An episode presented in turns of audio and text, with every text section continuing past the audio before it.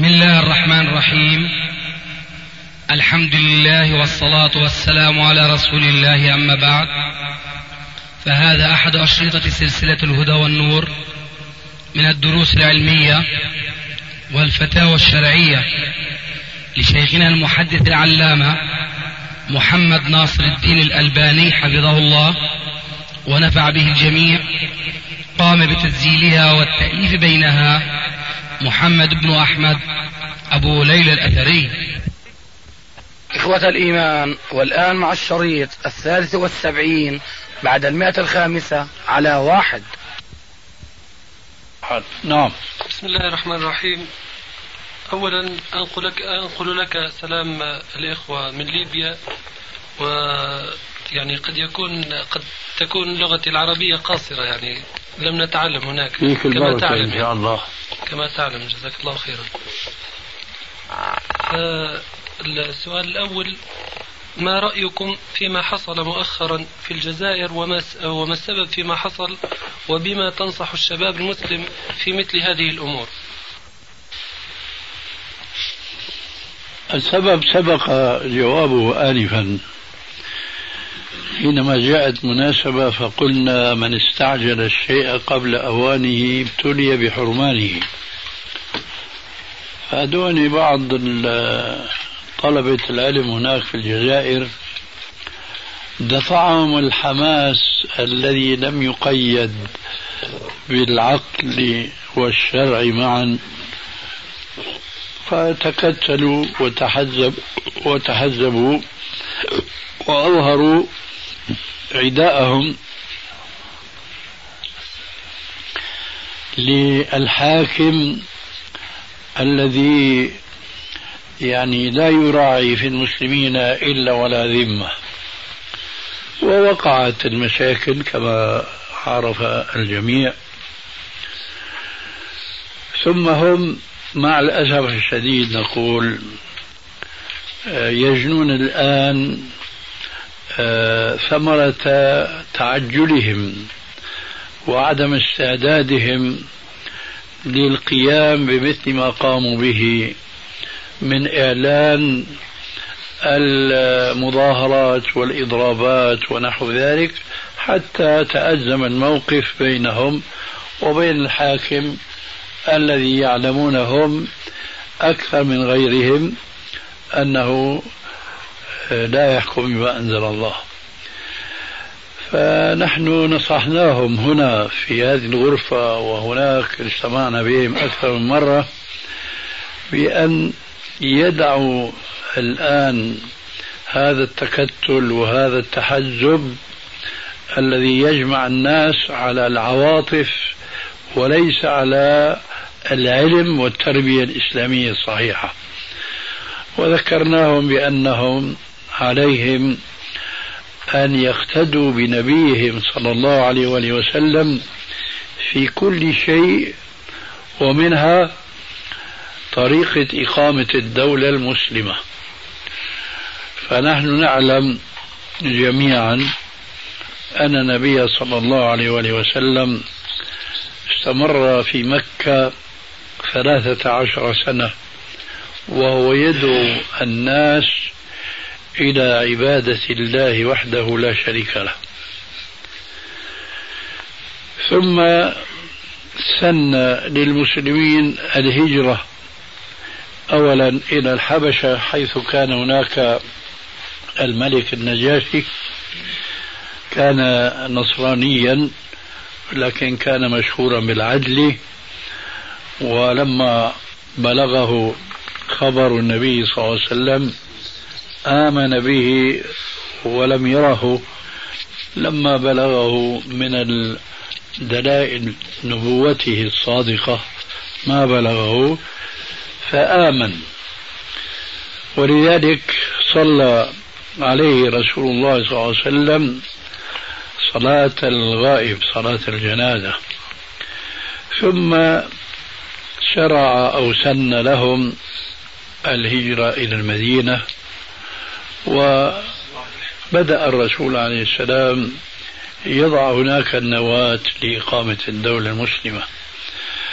فما يجوز إعلان آه، محاولة إقامة الدولة المسلمة والمسلمون بعد هم ليسوا مسلمين حقا علما وتربية. ونحن حينما نقول هذا الكلام لا نعني هذه الملايين المملينة يصيروا كلهم فقهاء وعلماء ومسلمين حقا لا. لكن أي جماعة تريد أن تقيم فعلا المجتمع الإسلامي والدولة المسلمة لابد أن يكونوا كذلك. والدولة المسلمة لا يمكن إقامتها إلا بعد إقامة المجتمع الإسلامي. والمجتمعات اليوم في الدول الإسلامية ليست مجتمعات إسلامية. والسبب لأن المسلمين منذ قديم الزمان فضلا عن قريب الأيام التي قضي على الخلافة الإسلامية واستعمرت البلاد الإسلامية من كفار فصار المسلمون بعيدين كل البعد عن المعرفة بالإسلام أولا ثم عن تطبيق ما يعرفون من أحكام المسلمين ثانيا.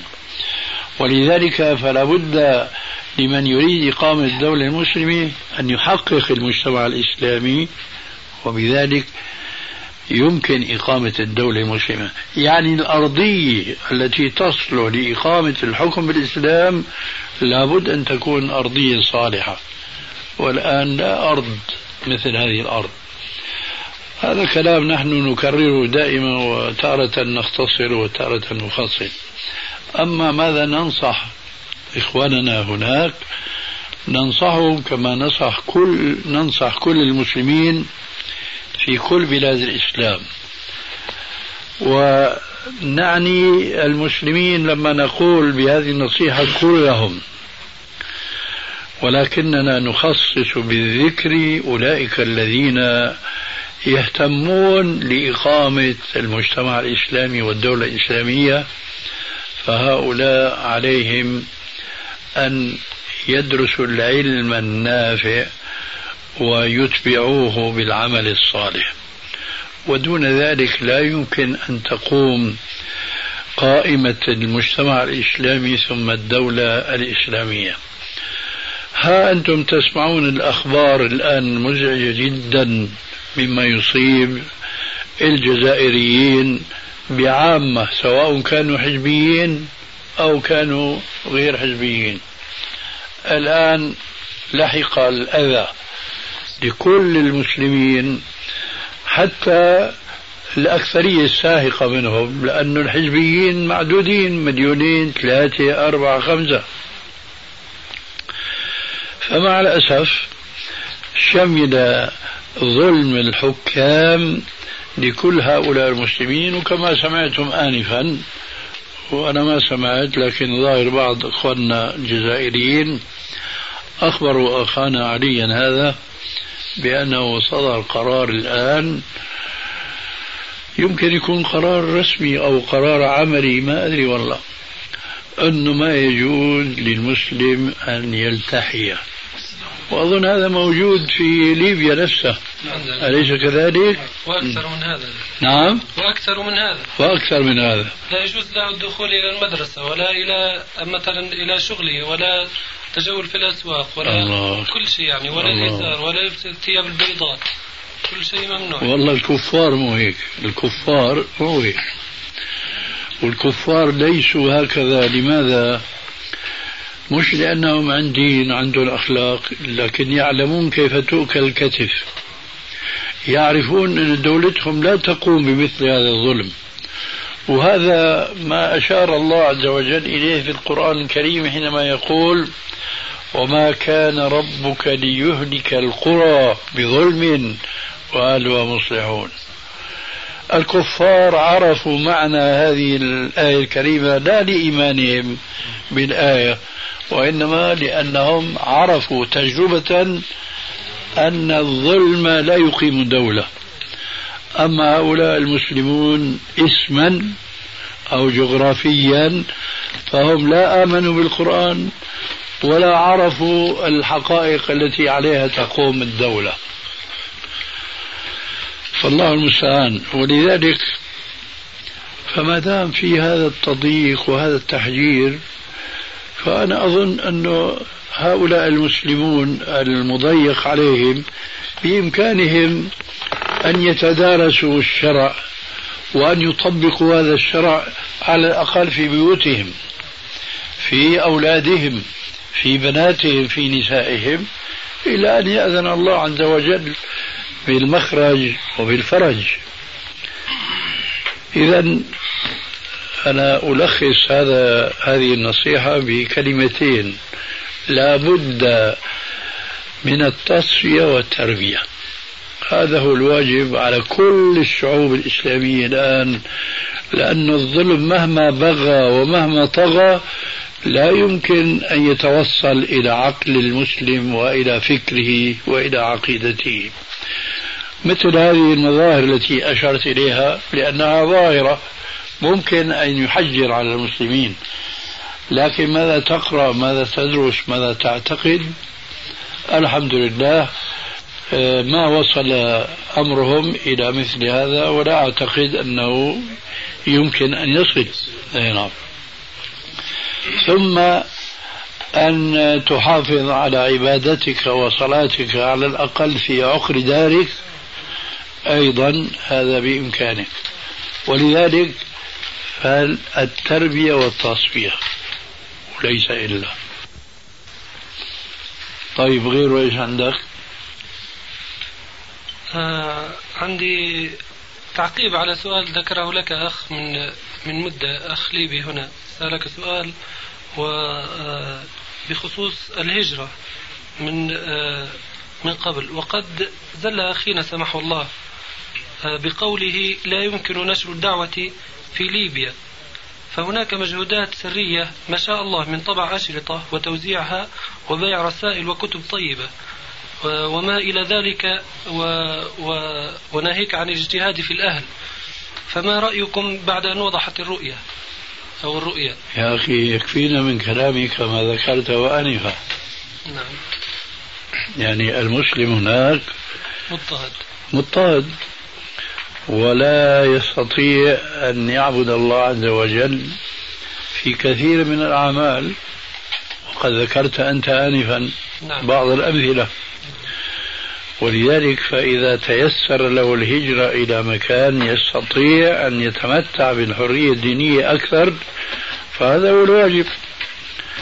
وإلا فنحن قلنا آنفا أنه إذا كان هذا الضغط هناك موجود على أقل أن يكون المسلم في بيته يدرس العلم ويربي نفسه ويربي أهله على ذلك. لكن إذا وجد بلد آخر بجانبكم أو بعيدا عنكم يتمكن المسلم من أن يمشي مسلما ظاهرا وباطنا. لماذا لا يهاجر إلى ذلك؟ فالأخ الذي تشير إليه وربما يكون الأخ اللي كان حضر هناك في مدينة الرياضية أظن نعم. ما أظن يعني هو حكى خلاف الواقع. نعم. كويس. كويس. شيخنا والله إحنا بنتذكر نسينا إحنا وين فما شاء الله تبارك الله. تذكرته. الله يحفظك يا سيدي. ما شاء الله. استغفر الله. فالمقصود لا نزال نحن عند هذه الفتوى. طيب غيره؟ آه، آه، عندنا هناك بعض الشباب آه، في بدء الأمر كانوا يرتاحون إلى مثلا إلى أحد العلماء والمجموعة الثانية ترتاح إلى عالم آخر. آخر. ثم تطور تطورت هذه الأمور إلى أن أصبحت تحزبات. يعني أصبح كل يتحزب لهذا العالم ولا يعني فريق حتى وأنهم أصبحوا يتعادون ولا يجلسون معا مع, مع بعضهم آه. طبعا هذا لا يجوز في الإسلام. نحن دائما نقول لا حزبية في الإسلام. وهذا التعصب يحرمه الإسلام لأن هذا الذي يتمسك برأي العالم الفلاني وذاك الذي يتمسك برأي العالم الآخر. لا هذا العالم ولا ذاك هم معصومون كالأنبياء والرسل. ولذلك فينبغي أن يعيش المسلمون على تحابب وتناصح وعدم التعصب لأي شخص في الدنيا إلا شخص واحد هو رسول الله. صلى الله عليه وآله وسلم. كل ما يمكن أن يفعله المسلم هو أن يثق بعالم في علمه ولصلاحه ولبعده عن مثلا حطام الدنيا وعن الوظائف الحكومية التي كثيرا ما تكون سببا لحمل الموظف على الانحراف عن العلم الذي يدعو الناس إليه.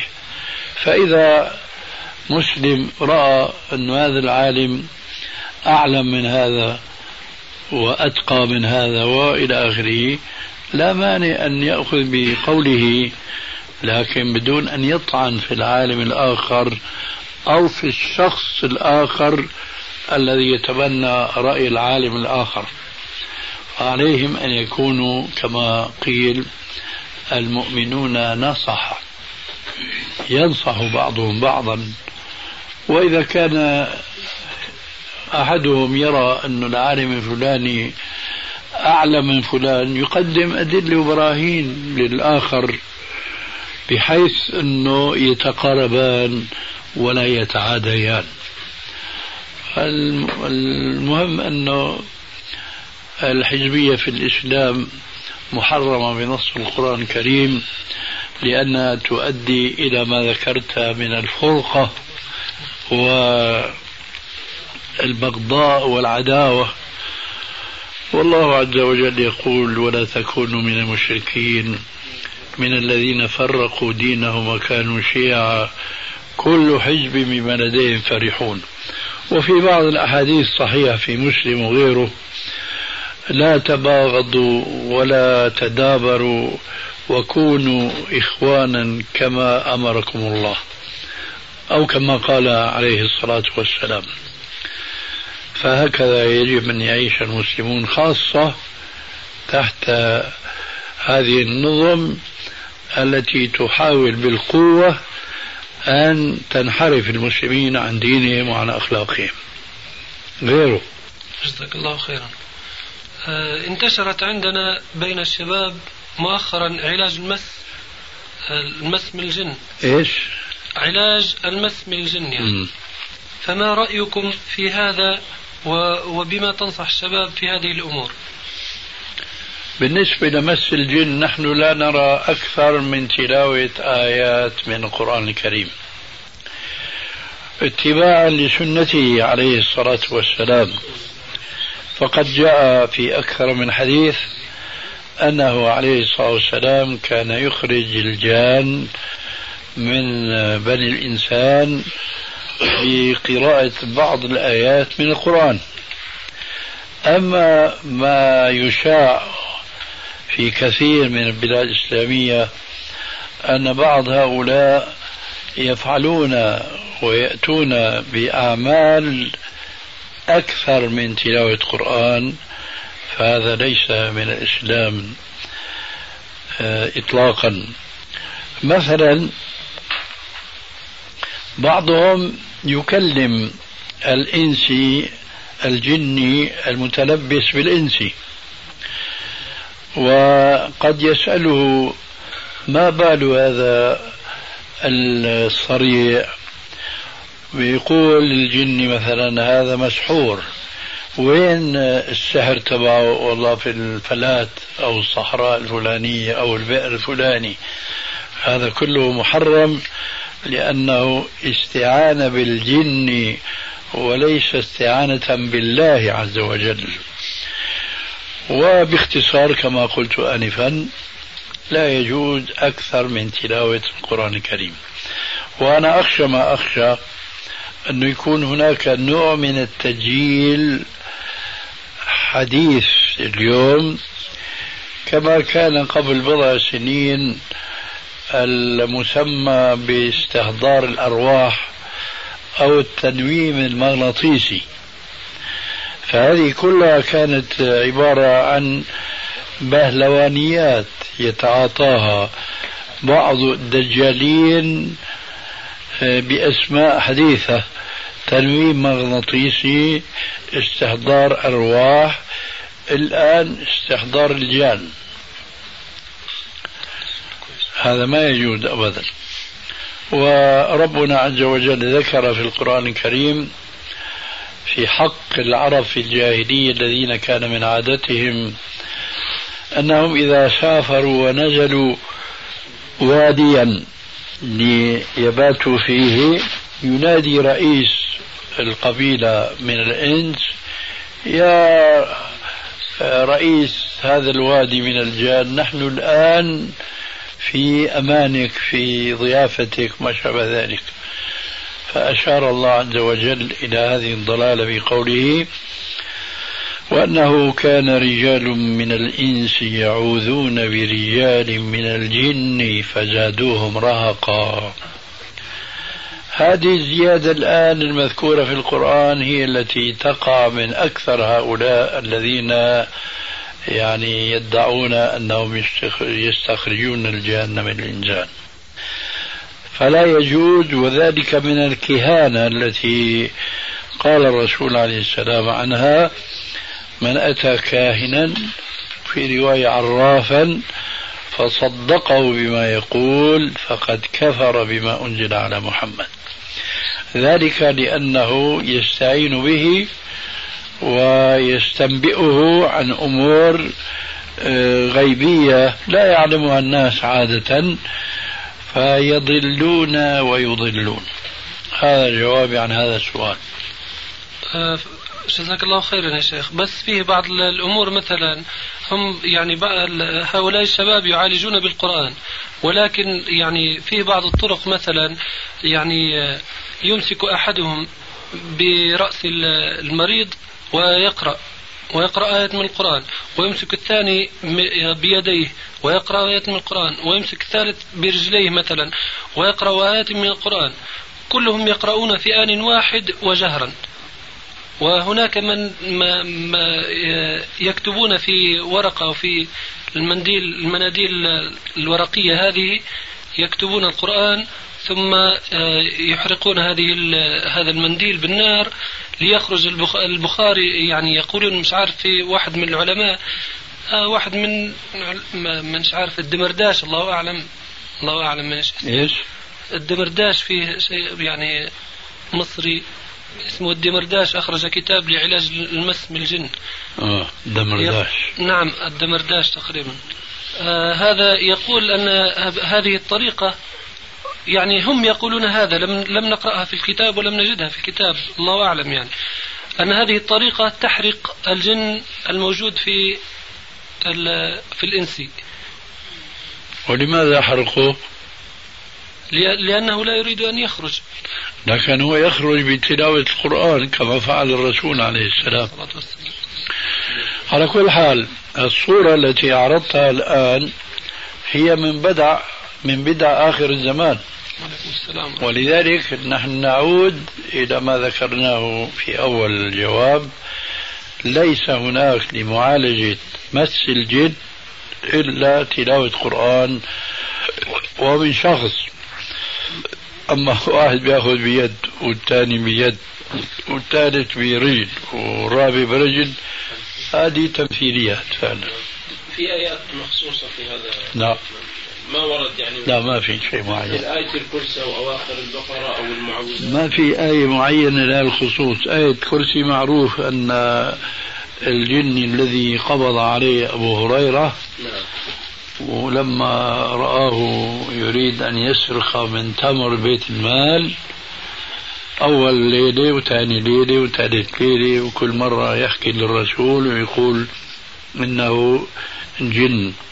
وسيعود إليك. في ثالث مرة ألقى القبض عليه فتدخل وأشفق عليه أبو هريرة. قال له لما أصر أن يأخذه إلى الرسول عليه السلام قال دعني وأعلمك آية القرآن الكريم. يرحمك الله. إذا أنت قرأت حينما تضع جنبك للنوم لا يقربك في تلك الليلة إنس ولا جان. فكأنه اطمأن لهذا الجواب فأطلقه ولما أصبح به الصباح ذكر ذلك الرسول قال عليه السلام صدقك وهو كذوب. لا شك أن هذه السورة أو هذه الآية تفيد لإبعاد الجن. بلفظ إنس. بلفظ؟ إنس ولا جان ذكرت؟ نعم. ولا ولا يقربك شيطان يعني في معنى لا في روايات متعددة في هذا الخصوص حتى بعض المعاصرين اليوم مع الأسف حاول تضيف هذا الحديث مع كونه في البخاري وتجاهل الروايات الأخرى التي يزيد بعضها على بعض. شيخنا بشريط مسجل؟ نعم. هل يمكن أن نشير مثلا لبعض آيات نتيجة التجربة آه، من أهل العلم؟ مثلا الشيخ الإسلام ابن تيمية كان أحيانا يقرأ المصباح مثلا آه. يقول أنها أو ابن القيم بالذات يقول أنه آية أفحسبتم أنما خلقناكم عبثا؟ تؤثر كثيرا في أذن آه، المصروع. هل ممكن أن نشير إلى مثل هذه الآيات؟ ما في مانع. ما في مانع. شيخنا آه، أذكر أني قرأت في الآلة المصنوعة. السيوطي آه. آه. في في تعليقه على بعض الأحاديث كما لا يخفاكم شيخنا هو يورد يعني من الأسانيد الكثير أحيانا ليشد عضد حديث أو كذا فكأني رأيت بعض الأسانيد تكاد تقوى عن ابن مسعود رضي الله تعالى عنه أنه كان إذا جاءه المصروع الذي لبسه الجني قرأ في أذنه أفحسبتم أنما خلقناكم عبثا وأنكم إلينا ترجعون قال فكأنما نشط من عقال و هذا الشوط وين؟ في الليالي المصنوعة. فاهم يعني وين؟ لكن ما أما كاتبها عندي أنا على آه. على الصفحة. أيوه صحيح ذلك؟ والله جايب أكثر من سند. آه. على كل حال يحتاج إلى مراجعة. نعم؟ أقول ممكن يعني إن شاء الله. غيره. آه، نعم. الله يكرمك. آه، بالنسبة يسجلوا على الأشرطة صراع مع جني وحوار مع جني والآن توزع في الأسواق. يا أخي إذا كان ما سبق آه، نفيناه. فهذا من باب أولى. نعم. ما, ما رأيكم في التداوي بالقرآن بطريقة القراءة مثلا في كأس من الماء وتقريب الفم ما له أصل. نفس هذا كالكتابة على الورقة ثم شعلها كما ذكرت آنفا. كل هذا ليس له أصل. وكل خير في اتباع من سلف وكل شر في ابتداع من خلف. ذكر عن ابن تيمية أنه كان يضرب المصروع هل هذا كذلك يعني من الأمور المنهي عنها أم يعني من يجوز فعلها؟ فيه؟ إذا كان مثل ما سأل عن الآية إذا كان الضرب أولا لا يؤذي المضروب ويفيد في إخراج الجن فجائز. نعم. الماء يعني طريقة شرب الماء لا, لا ليس له أصل. آه ننتقل إن شاء الله من شياطين الجن إلى محاربة شياطين الإنس. عفوا عفوا. ما فهمت يا أخي. قلت لك ننتقل من محاربة شياطين الجن إلى محاربة شياطين الإنس. يعني طيب تفضل. ما رأيكم في التحايل على الحكومة في عملية الضرائب بالتزوير؟ نعم. لا نراه جائزا إلا في حالة ربما تكون نادرة. أولا يجب أن نستحضر حقيقة أنا أعتقدها وهي أن الضرائب كلها ليست بمثابة واحدة في التحريم. قد يكون كثير من الضرائب يعني مكوس كما جاء في بعض الأحاديث. لكن ضرائب أخرى لابد منها لتقويم حياة الأمة. مثلا ضرائب لأجل تعبيد الطرق وما شابه ذلك.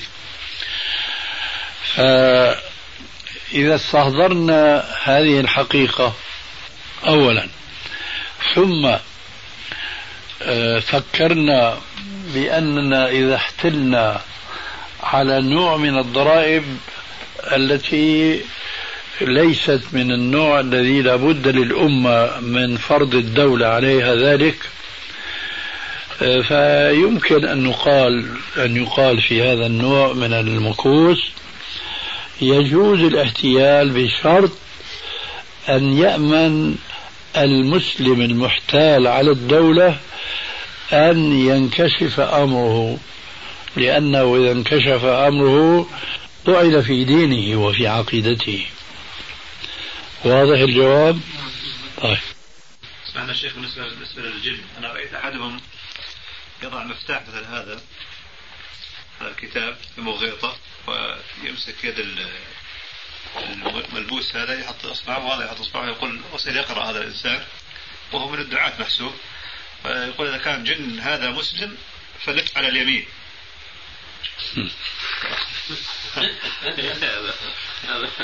هذا تسجيل شيخ طبعا هو اكتشفت انها تسجيل لأن حركه باصبعه وهو يحرك يحرك يحرك المفتاح. ممكن هذاك الرجل آه هذه كانت تستعمل عندنا في دمشق مش مشان التضليل هذا وإنما مشان الاستخارة. يجوز يعني هذا شيخنا؟ رجل هناك كان زجاجا. وكان من زبائني كنت صلح الساعات فهو كان زبون عندي. جاءني شاب متخرج من الأزهر ومن رؤوس الإخوان المسلمين. سألني عن هذه العملية. قال لي شو رأيك فيها؟ قلت له هذا اولا استخاره غير شرعية لأنها تنافي الاستخارة التي جاءت في صحيح البخاري من حديث جابر بن عبد الله الأنصاري قال كان رسول الله صلى الله عليه وآله وسلم يعلمنا الاستخارة في الأمور كلها كما يعلمنا السورة من القرآن. يقول عليه السلام إذا هم أحدكم الأمر فليصلي لله ركعتين من غير الفريضة ثم ليقل اللهم إني أستخيرك بعلمك وأستقدرك بقدرتك وأسألك من فضلك العظيم فإنك تعلم ولا أعلم وتقدر ولا أقدر وأنت علام الغيوب. اللهم إن كنت تعلم أن هذا الأمر خير لي في ديني ومعاشي في ديني والدنيا ومعاشي. وإيش عاجل أمري وأجلي فاقدر لي ويسر لي ثم بارك لي فيه وإن كنت تعلم أن هذا الأمر شر لي في ديني ومعاشي وعاقبة أمري عاجله وآجله فاصرفه عني واصرفني عنه ثم إيش؟ ثم أقدر لي الخير حيث كان وردني به. فهذه الاستخارة مخالفة للاستخارة الشرعية. كالاستخارة بالمصحف بيفتح حظه نصيبه وإذا بيطلع له آية وعيد في جهنم. آه. فحدثني بأنه يا أخي بس هي القضية مجربة. شلون مجربة؟ قال بحط مفتاح بين أصبعه وأصبعه اللي بده يستخير. وبيعلق على المفتاح مفتاح كبير من المفاتيح القديمة. نعم بيسموه عنا سقاطة مفتاح سقاطة. المهم وبيعلق المصحف في منديل. قال لي أنا شفت بعيني. هذا الأزهري بيقول. اسمه عبد الرزاق. ما أدري حي ولا ميت. كيف؟ جماعة الكروبيون لا. لا هذاك غيره. المهم آه، قال لي أنا شفت آه، بعيني بيقرأ هذا الزلمة وإذ المصحف بيميل يمينا أو يسارا. ويبني على ذلك أنه إذا مال يمينا استخارة كويسة وإذا مال المصحف يسارا ما هي كويسة. قلت له والله أنت صادق لكن أنا مالي منشرح لهالكلام بدي أشوف بعيني أخذ لي موعد خلاصة مع الرجل وهو كما قلنا صاحبي.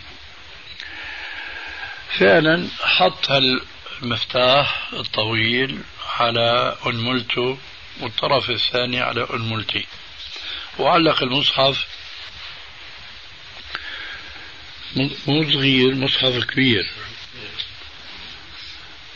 وإذا القضية طبيعية جدا. أنا شعرت أنه في حركة بسيطة لأنه مو حاططها بالكف حاططها بإيش؟ بالأمولة وبمقابل أمولة ثانية والإيد في الهواء. لابد ما يصير ارتعاش لا يرى بالعين مجرد. شغلة أعصاب. نعم. شغلة أعصاب. آه أعصاب. لابد ما المصحف يتحرك يمينا أو يسارا أمر طبيعي تماما. فانكشف السر عندي. لكني أنا احتلت على الزلمة. وهو مسكين درويش يعني ولا كان بينتبه. فأنا كل ما أشعر بأن المصحف راح يميل هيك ولا هيك مش أعمل مثل أبو أحمد. لا حركة لا ينتبه لها أي إنسان. أعمل هيك بسيط جدا. خلاصة تم المصحف واقف. لا مال يمينه ولا يساره. والزلمة عم يقرأ.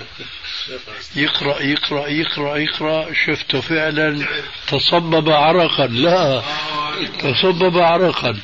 وصاحبنا موجود. الوسيط يعني. شو قال هذا المسكين الزجاج قال والله أنا عمري ما صارت معي القضية. ما أدري شو السر. السر مثل ما قلت لكم تماما. إنه هذه لابد ما يتحرك المصحف يمينا ويسارا معه هكذا. هو كان يلف يقول لف على اليمين أنا خليه يلف على الشمال. حركة آه. فيها أنت تماما. يرد يقرأ مرة ثانية يقول لف على اليمين خليه يلف. كلها هي تسجيلات فلا نعتبر نحن إلا فقط قراءة القرآن. احكينا بقى عن شياطين الإنس. مازال يا شيخ لا مازال. نحن أتينا من بعيد وهذا جاء من قريب. وأخذ أكثر منا في الوقت. نأخذ أكثر منه إن شاء الله. شخص قدم في قرض على أساس أنه بدون ربا وبعد أن بنى به يعني بعد أن بنى به بيتا آه، وأخذ في تسديده علم أخذ في في في تسديد القرض. آه، علم أنه آه، قد أدخل عليه ربا فما يصنع. كيف الأول أنه بدون بدون ربا؟ كيف؟ عندنا بعض بعض القروض هناك يعني كانت في الأول كانت ظاهر ظاهر الحكم إسلامي. فهناك القروض يعني في الأول كانت بدون ربا بدون ما يسمونها من الدولة ولا من البنوك؟ من من الدولة هي ما عندناش بنوك خاطي الدولة يعني كل البنوك لجيب واحد وأنت تعلم هذا الجيب.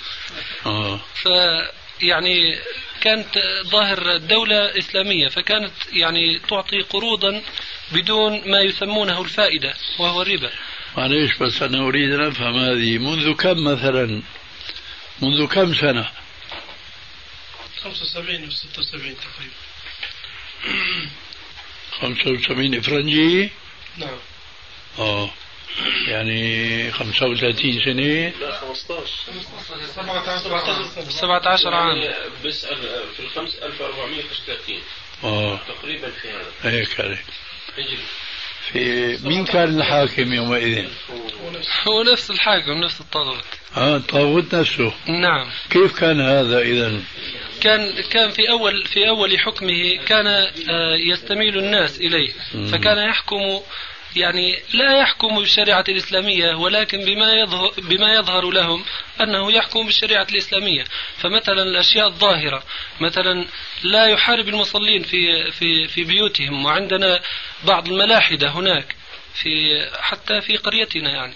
عند عندنا بعض الملاحدة يعني وضعهم في السجن على أساس ويعني ويعني يعني عملوا لهم تحقيق أو برنامج في التلفزيون ويعني باش يعني يشوفوهم الناس يعني على أساس إن ملاحدة وضعهم في لفضحهم يعني. نعم. وبقوا خمس خمسة عشر سنة خمسة عشر, خمسة عشر عاما ثم خرجوا في الأيام الماضية. طبعا المسلمين باقين في السجن وهم أخرجهم يعني بعد أن تقوت عقيدتهم.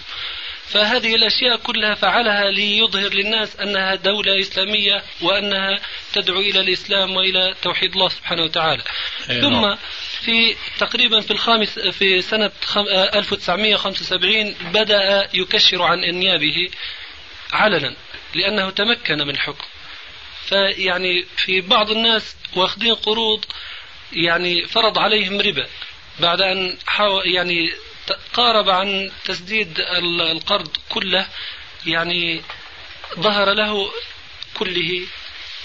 نعم. ظهر له أن في هذا القرض ربا. أو تبين له أن في هذا القرض ربا. طيب هو استقرض في وقت القرض الحسن؟ نعم نعم. قبل أن تفرض عليه قبل أن يفرض على القرض ربا. استقرض في نعم. ذاك الزمان. نعم. والظاهر أنه تأخر الوفاء يسدد على أقساط. لا يسدد على أقساط ما. على يسدد أقساط. على أقساط. نعم. طيب حتى القسط الأول كان فيه ربا؟ لا القسط الأول ما فيه ربا. آه. هم كيف مثلا مثلا بيعطوك عشرة ألاف دينار. تسدد كل شهر مثلا عشرين دينار. فتسدد عشرين عشرين عشرين عشرين. عندما آه، يعني آه، تسدد العشرة آلاف دينار كلها يعني يطلبون منك زيادة على هذا المبلغ يعني. نعم. بحجة أنها عمولة أو كلام. نعم. إذا كان الاستقراض كان في زمن الأول الذي كانوا يجعلون القرض قرضا حسنا فلا شيء على المستقرض الذي أخذت منه الربا فيما بعد. لأن هذا الذي أخذ منه شأن ذلك الضرائب التي تفرض على الشعوب كلهم.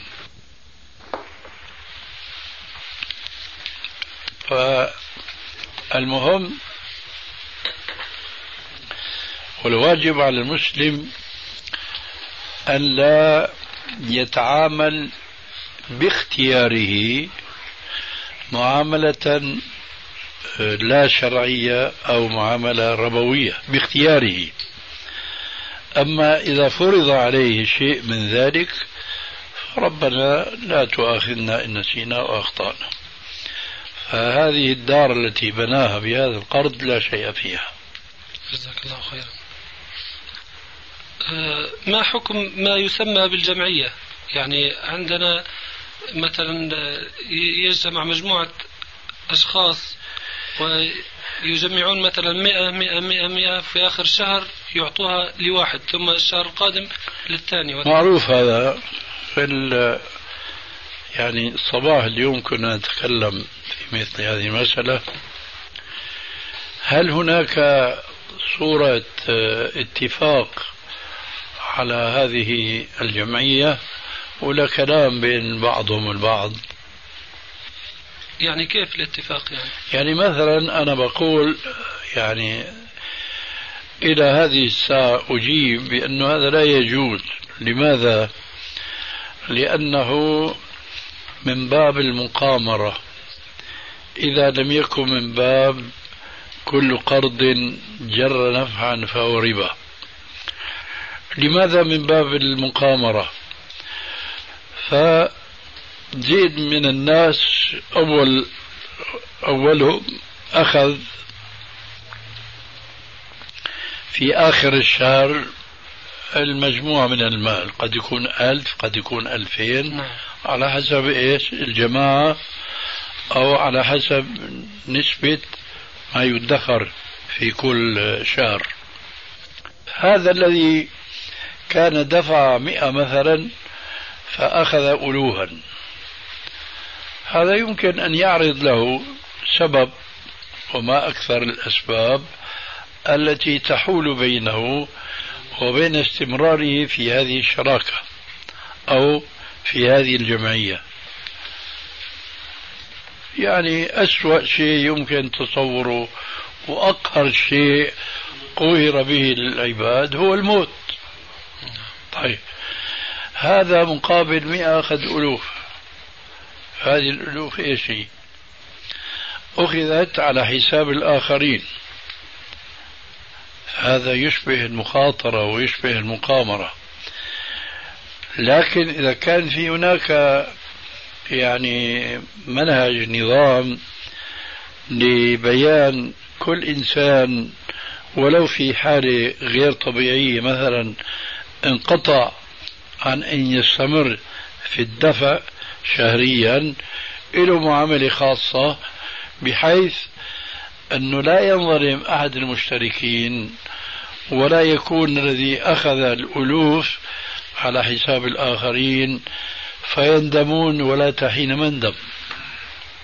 فهمت ماذا قصدت من سؤالي في مثلا؟ شو بيسموا هذا اللي نظام نظام نظام أي نعم. فإذا لم يكن هناك نظاما فالقضية مقامرة. القضية مقامرة.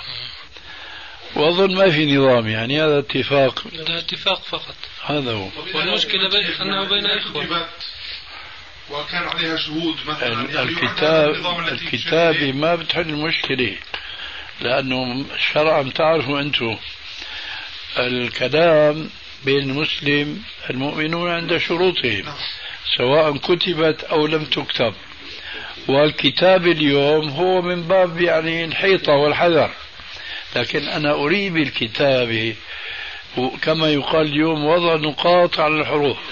توضيح إنه إذا توفي أيوه هذا واذا غاب إذا سافر إذا مرض إذا إلى إلى آخره. يعني إذا بهذه الضوابط آه بيهون المسألة. هذه هناك أمر آخر يعني نستطيع أن نضيف إلى السبب الذي ذكرته. أن هناك تجري القرعة في من يأخذ اولا نعم. وثانيا وثالثا وهذا كذلك يعني أعتقد أنه لا يجوز لأن هناك ال- الذي يأتي في آخر ال- الوقت يأخذ مبلغ متأخر يفرق يعني حظه عن آه، ممن أخذ أول الأمر أو ثاني شخص لما يكون عشر أشخاص وتدفع شهريا فأحدهم من باب القرعة وكذلك تدخل في نفس اللي ذكرت جزاك الله كل خير أنه يأخذ أول آه، حصة وآخر واحد تطلع كذلك في القرعة كذلك بده يأخذ آخر حصة في هناك وقت عشر أشهر يستطيع إنه اللي أخذ بالأول يشغل الفلوس إيه هذه أيضا يمكن ضبطها يمكن ضبطها. ما بالضوابط. آه ممكن إذا ضبطت. لكن مبين المسألة فلتاني. نعم غيره؟ آه جزاكم الله خيرا. عندنا سؤال عن أخ لنا. آه، كان يشتغل في آه، ما نسمي ما, ما يسمونه بأمانة طبعا عندنا. فكان هذه الأمانة في يعني تقدر أن تقول فيها يعني مساعدة على الباطل. فتوقف هذا الشاب عن العمل. ولكن يعني عندنا سوء إدارة هناك بشكل غير عادي. فلا يزال حتى الآن حوالي مدة ست شهور أو أكثر لا يزال مرتبه يعني ينزل كل شهر بشهره في المصرف. فماذا يفعل بهذا المال؟ هل يرده, يرده إلى الحكومة وأنت تعلم ما, ما هي حكومتنا أم يفعل به شيء ثاني مرتبه ينزل إلى البنك لماذا؟ على حسابه. على حسابه هو. لأن هناك نتقاضى المرتبات من البنك من المصرف يعني. سواء. ألا تعرفون متى ينزل الراتب راتب الموظف إلى البنك؟ عادة يمكن معرفة في أول في آخر الشهر آخر شهر. أول شهر جديد مثلا. آخر الشهر دائما. طيب. يمكن تحصيله فور العلم بأن المرتب نزل إلى البنك أو لا يمكن. يمكن تحصيله. فإذا لا يترك في البنك ويحصل ولا شيء على صاحبه.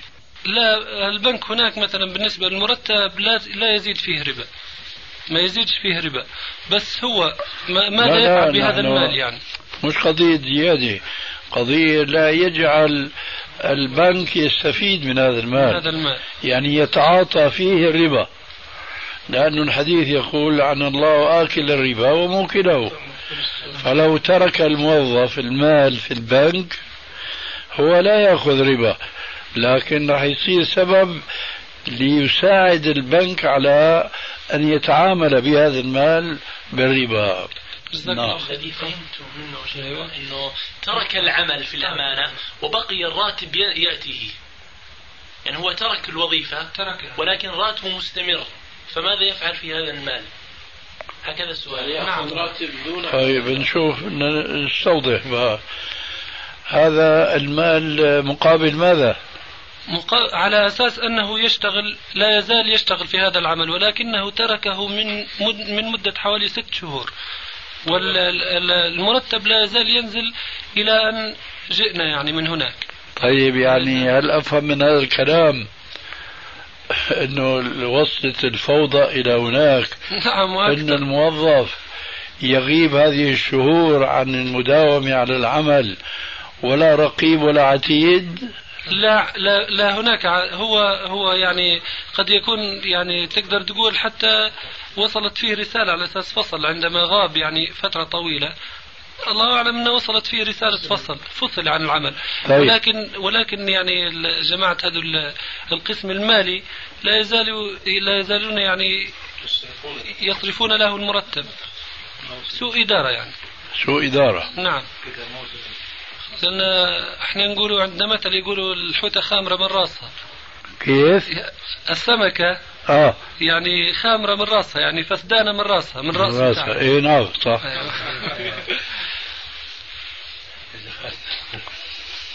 فإذا هو يأتيه راتب نعم. وهو غير مواظب على الوظيفة التي يستحق بها الراتب. المرتب نعم. مم.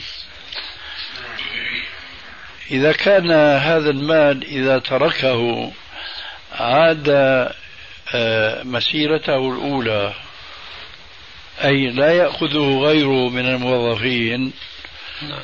فيدعه. وإن كان غيره يأخذه فليأخذه هو. لا هو يبقى المرتب بتاعه يبقى لحسابه في المصرف. معليش يبقى لحسابه في المصرف.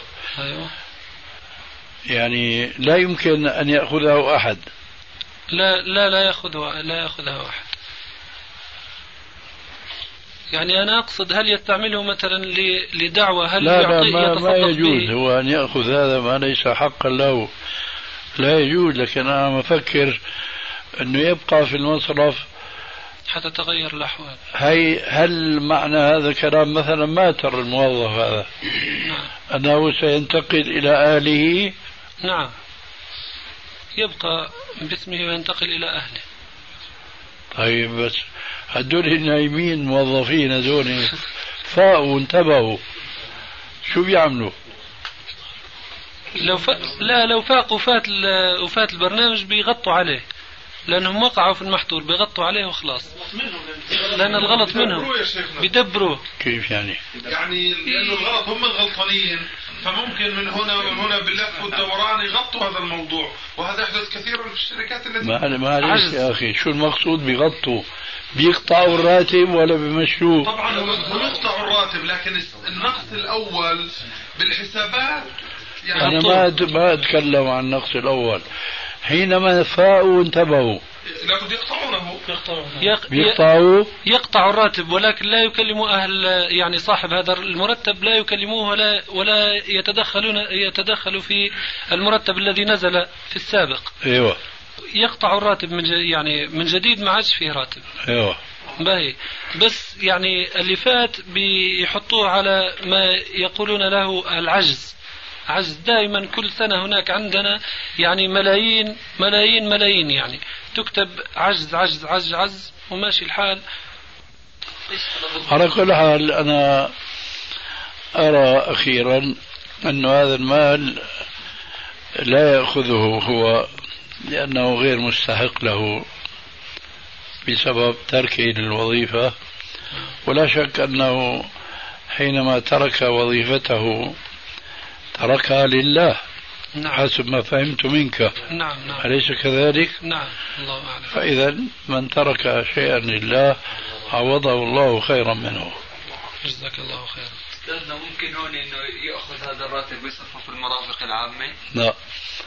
الآن الساعة العاشرة والنصف. نزلت بعض الأسئلة بس إحنا ماشيين إن شاء الله. آه، نكتفي بهذا القدر إن شاء الله.